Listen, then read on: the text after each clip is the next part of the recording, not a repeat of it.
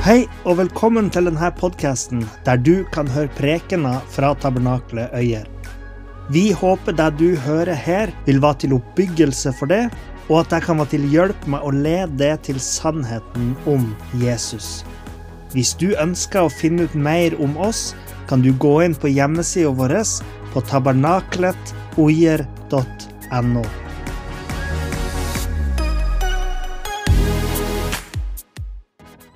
Det er godt å, å, se dere igjen. Nå går jo sommeren snart mot slutten. Eller det bør jeg kanskje ikke si. Det er noen som blir litt sånn sur når jeg sier at sommeren snart er slutt. Eh, men eh, sånn er det nå. Ferien for de fleste begynner å bli over. Og er det ikke litt godt å komme hjem for alle som har vært på ferie? Er det ikke litt godt når man kommer hjem? Jeg kjenner jo på det når, når jeg har vært eh, langt borte, og så kjører vi hjem. Så når du begynner å liksom se at nå er vi her i traktene, når du kommer til Lillehammer eller du kommer liksom opp på Fåvang og sånt, begynner å nærme deg Øyer, så føles det godt. Du kjenner liksom ah, endelig, nå kan vi slappe av litt. Det burde egentlig være motsatt med ferie. At du liksom er sånn Å nei, hjemme. For det skal jo være så bra på ferie. Men det er godt å komme hjem. Og, og jeg hadde jo ikke trodd at liksom denne lille bygda her i Gudbrandsdalen noen gang kom til å bli hjem. Du vet, Før, for noen år siden, da jeg var liten, så var jo Øyer et av de stedene man kjørte forbi når man nesten var kommet dit vi skulle på ferie, sånn som Oslo f.eks. Så Øyer var jo bare et sted jeg kjørte forbi, så jeg hadde aldri trodd jeg skulle havne her. Men her er jeg, og nå er det her mitt hjem og det stedet som jeg har blitt glad i. Og, og, liksom, det stedet jeg gleder meg til å komme hjem der, og der vi har bygd rede sammen og skapt familie sammen og fått ei en fin menighet her. Og eh, Nå tenker vi jo kanskje at Øyer er en veldig liten plass. Eh, men i sommer, da jeg kjørte gjennom eh, Folldal, som ligger oppe i ingensteds plass oppi her, så la jeg merke til en ting. At når du kommer inn til Folldal, så har de sånn svært skilt som de satte opp på sida av veien. Der står det 'Velkommen til Folldal'. Og under så står det 'Takk for besøket'.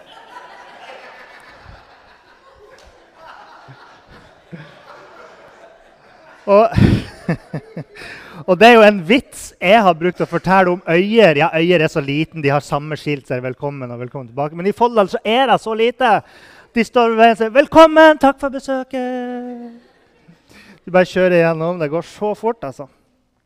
Så veldig morsomt, det. Men uansett Hjemmet vårt er et viktig sted. Det betyr noe for oss. Eh, bygda vår et viktig sted for oss. Om man bor her i Øyer eller Lillehammer eller 13 eller hvor det er. Og Jesus han sa det her til disiplene sine i apostlenes gjerninger 1,8. Og dere skal være vitner om meg i Jerusalem, i hele Judea og Samaria og helt til jordens ende. De skulle begynne å vitne om Jesus i Jerusalem, som var byen der disiplene holdt det til på det tidspunktet. Der skulle de begynne. Det var der de var da Den hellige ånd kom over dem på pinsedag. Eh, og det var der de var når de begynte å vitne om at Jesus har stått opp fra de døde. Syndene deres kan bli tilgitt fordi han bar straffen for dine synder. Det var der den første menigheten ble danna, der de første menneskene hørte det budskapet og sa jeg tror jeg vil følge denne gjenoppståtte Herren Jesus. De skulle starte lokalt, så skulle de fortsette regionalt, nasjonalt og globalt. Så det går i sånne ringer utover fra Jerusalem. Men de starta med byen sin. Og vårt Jerusalem er her i Øyer, i vårt nærmiljø, i vårt lokalmiljø. Vår menighet er her i Øyer. Og vår menighet er her for øyer. Uh, det, er her vi er, og det er her vi utøver vårt oppdrag. Og så kan vi ha en større drøm om at arbeidet vårt skal nå lenger ut. Eh, noen av dere vet det jo, bor jo ikke akkurat her i Øyer. Uh, sånn at vi har sant, armer som strekker seg lenger ut og har mulighet til å nå utover. Men først så, så begynner vi her vi er. Så kan vi ha en større drøm og en visjon om at det skal nå videre Eh, men det er her det starter. Her iblant menneskene som er våre nærmeste, i det som er vårt lokalsamfunn. Altså det samfunnet som berører oss mest i hverdagen vår. Her begynner vi, slik disiplene begynte i Jerusalem. Og kjærligheten vi har til menneskene i bygda vår, må være det som preger eh, denne menigheten og de menneskene som er her. Eh, fordi Gud, Gud har betrodd denne bygda og disse menneskene til oss. Det er kanskje litt rart å tenke på det sånn, men, men han har, han har eh, grunnlagt sin menighet her på jord og, og gitt oss kristne som har, har, blitt frelst og fått Den hellige ånd, har gitt oss et oppdrag om å elske menneskene og betrodd de til oss. Det var en gang en skriftlærd som kom bort til Jesus og spurte hva er det første budet. Og Da svarte Jesus i Markus kapittel 12, vers 29-31. Så sier Jesus, 'Dette er det første av alle budene.' Hør, Israel. Herren vår Gud, Herren er én, og du skal elske Herren din Gud av hele ditt hjerte, av hele din sjel og av all din fornuft og av all din makt. Dette er det første budet. Det andre, som er like stort, er dette. Du skal elske din neste som deg selv. Det finnes ikke noe annet bud som er større enn disse. Fordi at i de her budene så, er, så ligger det så mye. Elsk Gud. Ja, Det å elske andre mennesker er jo en del av å elske Gud. Så det ligger så mye i det her. Og For å sette fokus på bygda vår og eh, våre neste, våre medmennesker som bor her, så skal vi de neste ukene ha denne prekenserien 'Bygdeblikk', som handler nettopp det å, å ha et, eh, et, engasjement i lokalsamfunnet. Da finner finn gleden vår over å kunne, kunne være en positiv bidragsyter her. Og Bygdeblikk handler om å rette blikket utover våre fire vegger. Og ikke bare å rette blikket utafor de fire veggene vi har her, men òg å forstå at vi bor i samme rom som de menneskene som er her i bygda. Og når jeg hører om, eh, om de her fortellingene, eller hvordan det står til eh, med misjonærene våre i Sør-Afrika Der har de det jo slik at det er umulig å ta blikket vekk fra det som skjer i lokalsamfunnet akkurat nå. Pga. korona, mennesker som dør, pga. Eh, butikker som står i fyr og, og flamme, bokstavelig talt. Eh, Pga. Eh, vold og, og, fattigdom. Det går ikke an å ta blikket av, av det. Men her i Øyer er det annerledes. Vi trenger å jobbe med å feste blikket på menneskene som er der ute. Så Derfor skal vi fokusere på det.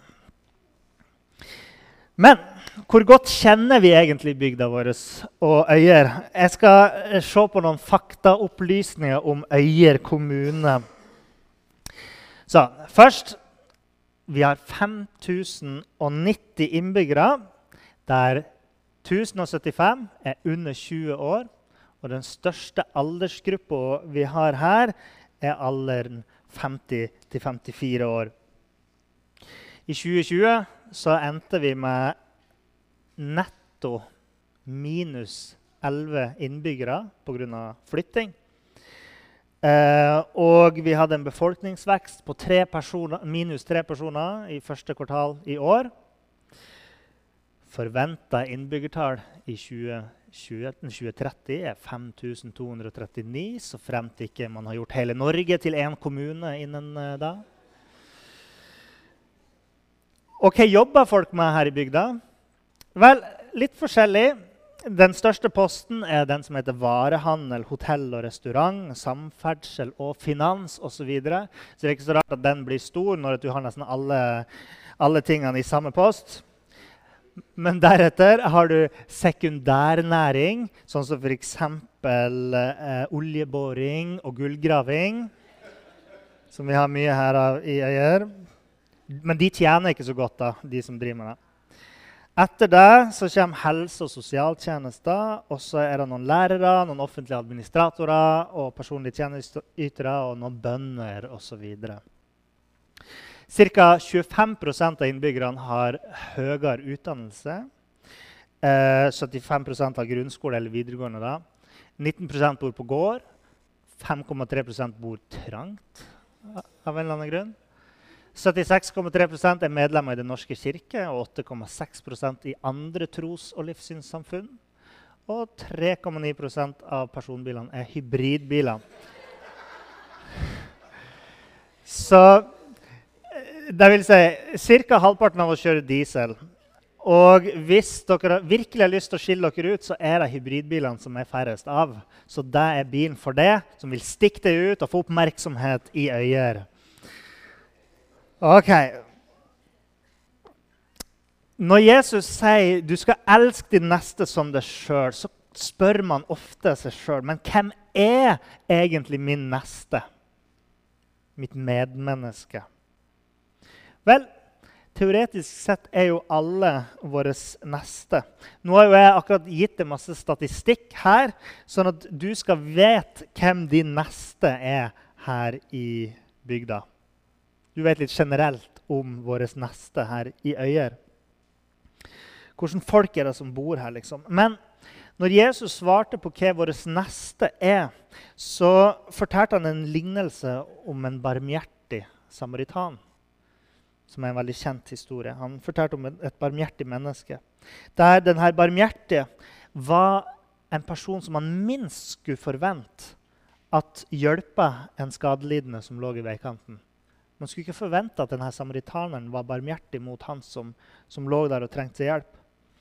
Det vil si at Jesus han forsøkte å utvide horisonten vår for hva et medmenneske er, hva vår neste er. Det er ikke bare de vi er komfortable med å snakke med og gjøre gode ting imot. Eh, men det er alle mennesker vi møter på.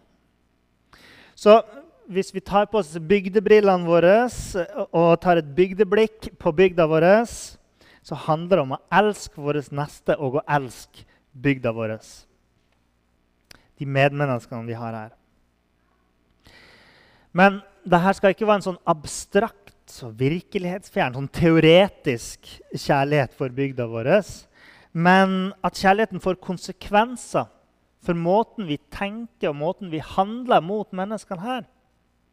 Dette er jo, dette er jo poeng som er relevant om du ikke er, er kristen eller, eller, tror på Gud. Altså det, det å elske medmenneskene våre er viktig for oss alle. For å bygge et godt samfunn, for å ha en fin, en fin og god bygd å bo i. liksom. Men det er ekstra viktig for oss fordi vi er kalt av Jesus, vår Herre, til å elske andre mennesker. Til å være vitner både i ord og i handling, slik han gjorde. Og det er jo sånn at vi mennesker vi, Eller jeg tenker i hvert fall sånn at eh, vi har en slags sånn kjærlighetskapital. Så nå skal vi bli kjærlighetskapitalister. Nei, men vi har en slags, eh, en slags begrensa mengde til å elske andre. Og Det er jo derfor vi ber til Gud, sånn som vi hørte her i stad. Um, hjelp oss til å være lys, hjelp oss å skinne. Hjelp oss å elske bygda vår. Hjelp oss å elske mer. Fyll oss med din kjærlighet, ber vi. Og til en viss grad så styrer vi hvordan vi vil fordele våres, eller fokusere vår kjærlighet. Sant? Man kan ta et valg i dag, så velger jeg å gå og kjøpe blomster til kona mi.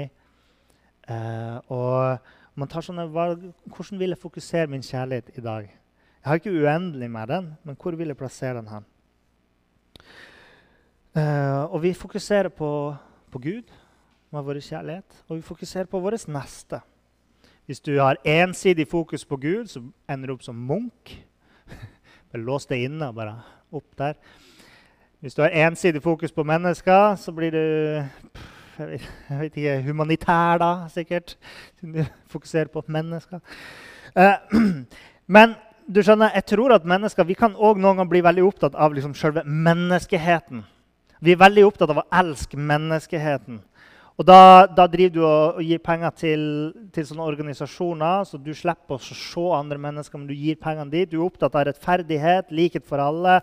Alle skal ha det greit, ingen skal være fattig. Men, men sjøl så ofrer du ikke kjærlig mye for enkeltmennesker. Og Da blir det en litt sånn ubalanse her. ok? Så La meg lese et lite utdrag fra eh, Dostojevskij eh, sin rom roman 'Brødrene Karamazov', der en prest har en samtale med ei dame, og presten forteller en historie. Han sier jeg hørte det samme for lenge siden fra en doktor. Han var da en eldre mann og utvilsomt intelligent. Han snakket like sannferdig som deg, humoristisk, men med en sørgelig humor. 'Jeg elsker menneskeheten', sa han.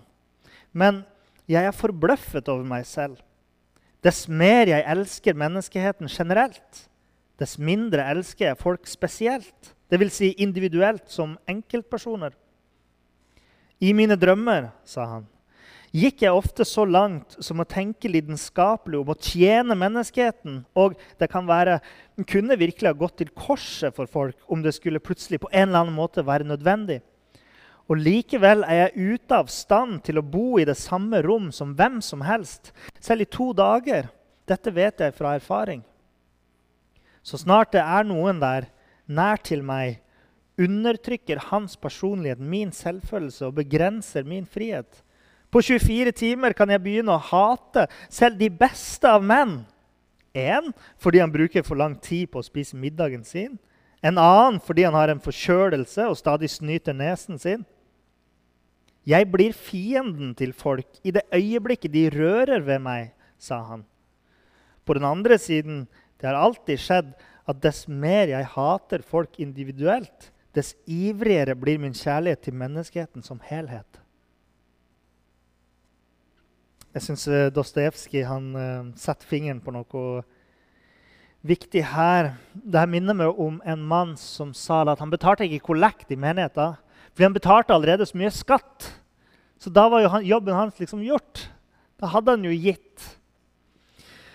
Men det blir jo kanskje ikke helt riktig. Litt som denne doktoren som han presten forteller om her. At man betaler skatt, men kan det derfor forsømme andre områder? Kan vi begynne å tenke sånn at men kjære tid, jeg gir jo bort nesten halvparten av inntekta mi. Da trenger vel ikke jeg å smile og si hei til folk på butikken? Da har jo jeg betalt for at de skal ha det bra og være fornøyd med livet sitt. liksom. Og det er der mener at, at liksom vi har en kapital, og hvordan fokuserer vi den? Vi har liksom begrensa mengde for, for, hvor mye vi kan gi. da. Eh, og kanskje du kjenner det igjen i det her, at det er lettere å, lettere å liksom elske den abstrakte menneskeheten. Kanskje vanskeligere å elske han der som driver og snyter seg hele tida. Han der som kommer litt for nært sjøl om du skal holde avstand i koronatida. Eller kanskje du er motsatt. At du akka veier det over menneskehetens verdslighet. Men du er likevel den hyggeligste og koseligste personen man har møtt når man møter det ansikt til ansikt. Sant? Så det er to sider ved det her. Og vi skal bruke denne kjærlighetskapitalen vår sånn at vi på den ene sida Vi kan ta bilde nummer 11. Sånn at vi på den ene sida elsker bygda vår på en måte som gagner kollektivt.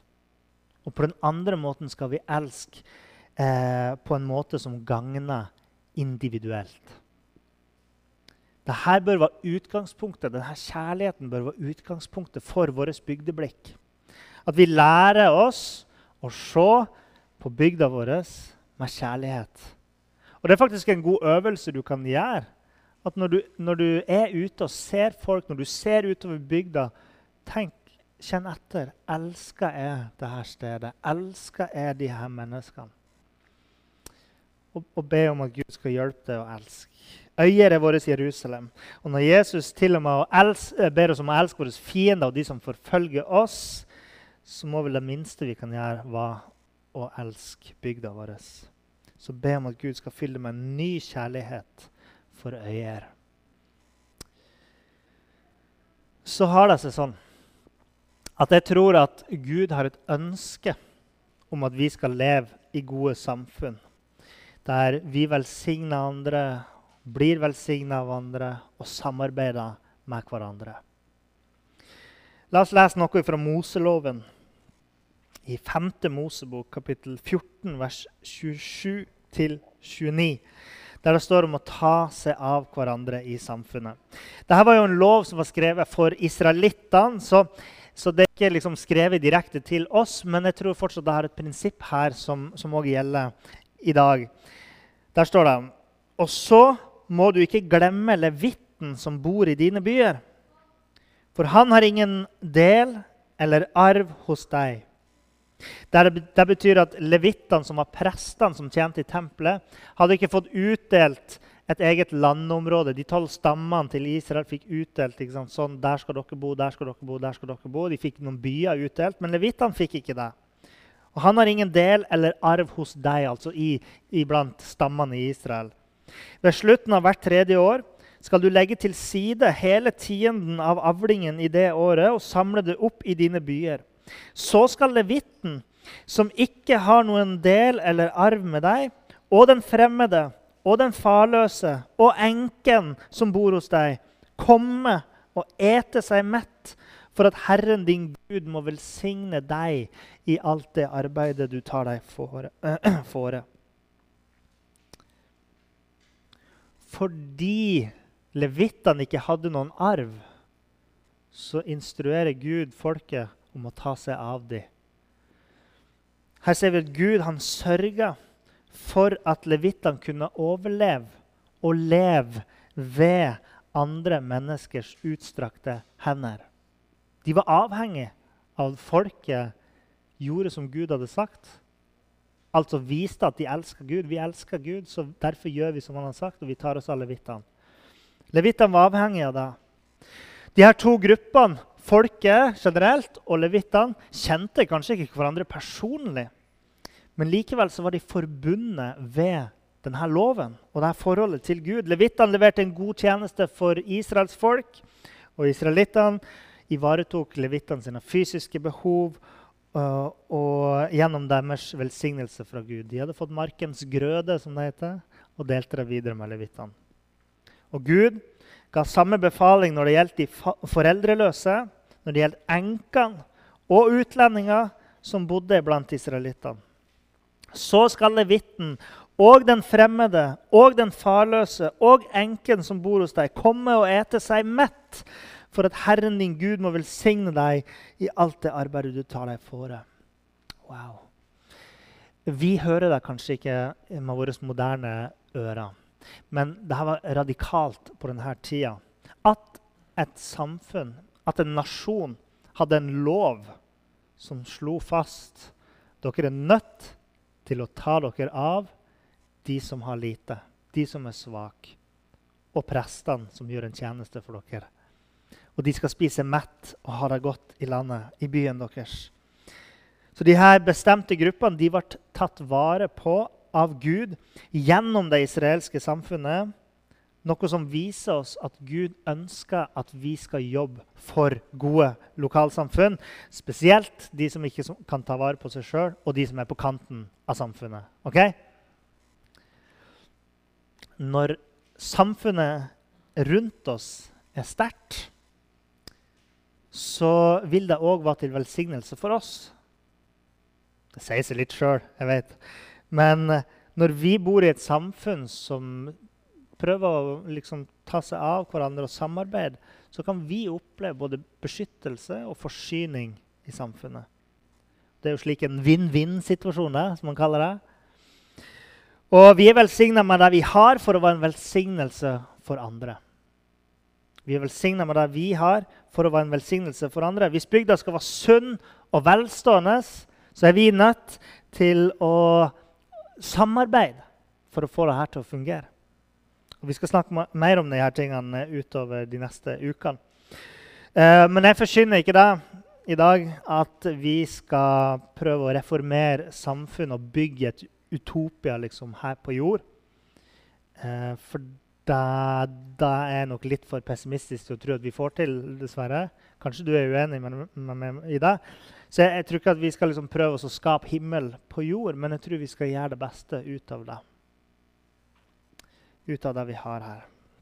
Vi skal bidra, og Gud ønsker at vi skal bidra til å bygge gode samfunn. Så tenk at det som Jesus starta der i Jerusalem, har spredd seg helt hit til Øyer. Til og med slått rot i Gudbrandsdalen, der folk er så trauste at Nei, jeg tuller. Tenk at det kommer fra Jerusalem og hit. Vi er den verdens ende som Jesus snakka om for 2000 år siden. Det, det har kommet hit.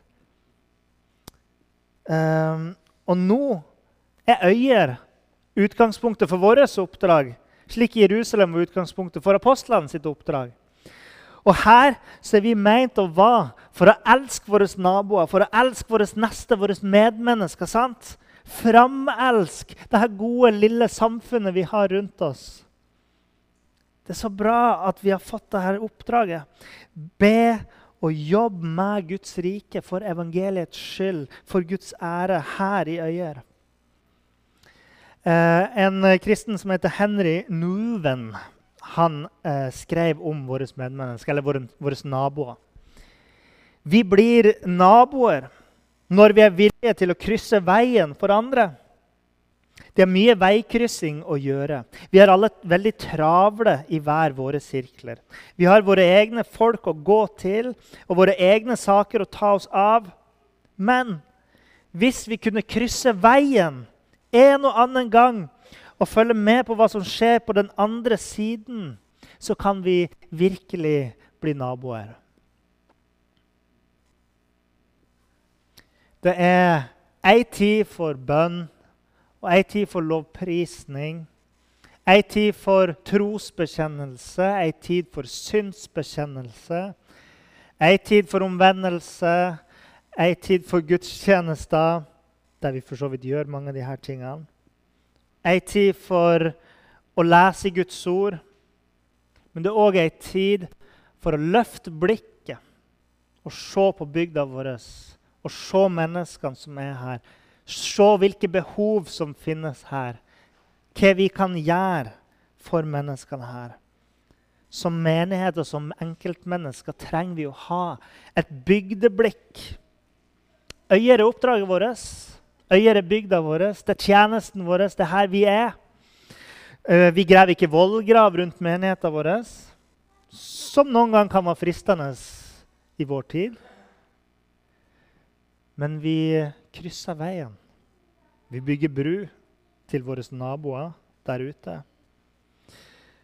Noen ganger for å observere hva som foregår her ute.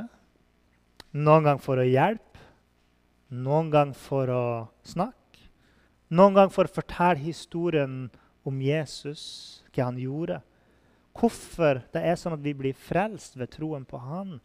For å fortelle historien om hva Jesus har gjort med vårt liv for at andre skal komme til tro. Vi ønsker at denne menigheten kan rette blikket mot bygda for å elske menneskene som bor her, i ord og handling. Hvis du ikke kjenner menigheten så godt, så er det sånn at vi driver en barnehage her i bygda. Nede i kjelleren og ute her har vi en stor barnehage.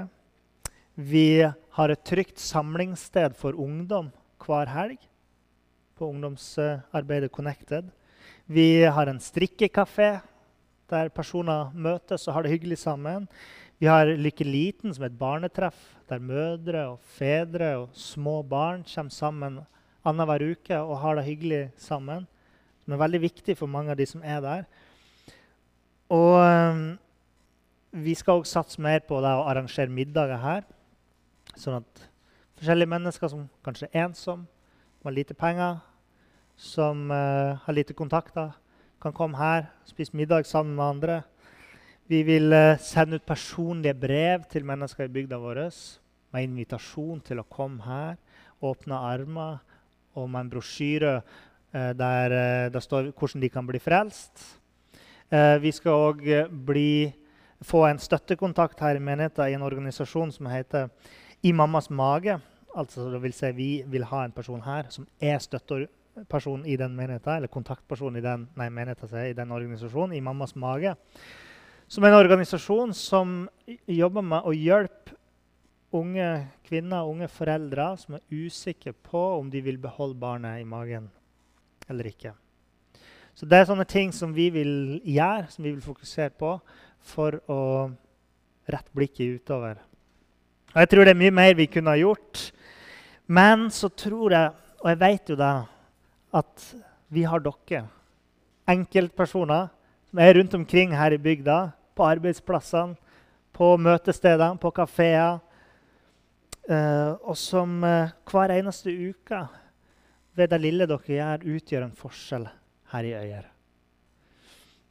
Kall meg gjerne en drømmer, men jeg vil se for meg ei framtid der jeg og du og denne menigheten bare går på Guds kall for oss og, og gjør, gjør det han har kalt oss til. Ikke bare be, men at vi kan gjøre det praktiske òg. Vi kan gjøre jobben han krever av oss. Jeg har en drøm om det, og vi starta her i Øyer. Um, og jeg tenker bare Se for dere hvilken forskjell vi kan gjøre hvis vi bare elsker bygda vår og elsker Gud. Vi som eh, kommer hit ofte, vi utgjør ca. 1% av befolkninga i Øyer. Det høres ikke så mye ut, men vi er en hundredel. Vi kan gjøre ganske mye. Det tror jeg på.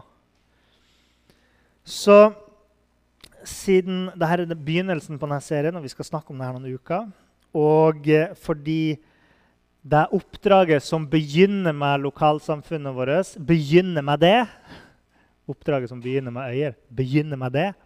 Så vil at vi skal be litt sammen. Og du kan få lov til å be denne bønnen, eh, eller du kan be inn i det om du vil, men, men eh, jeg vil bare led.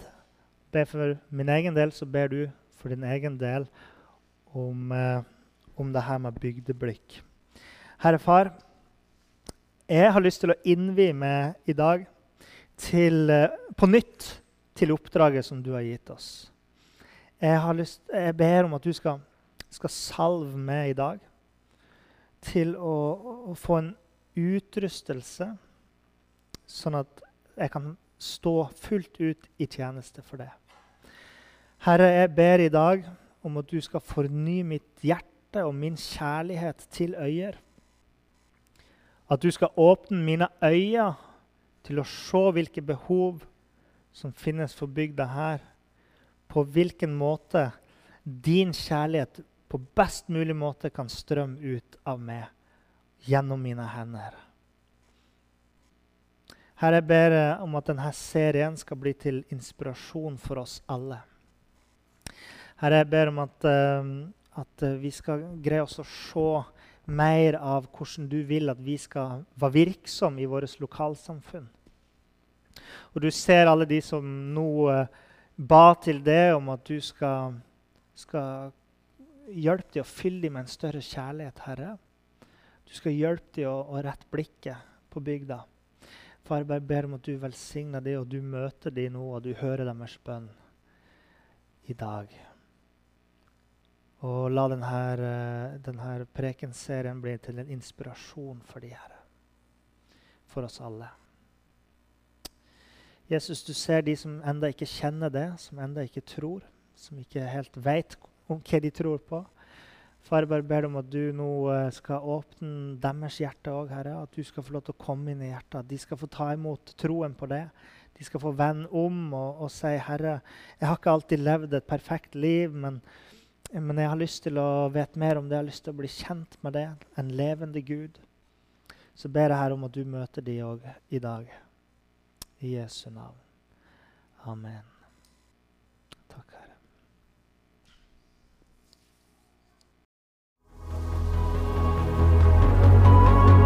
Takk for at du hørte på.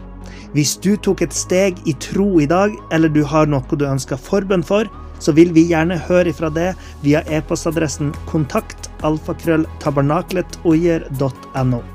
Du er òg velkommen til våre ukentlige gudstjenester i menighetslokalet i Haugskutua 5 26 36 Øyer.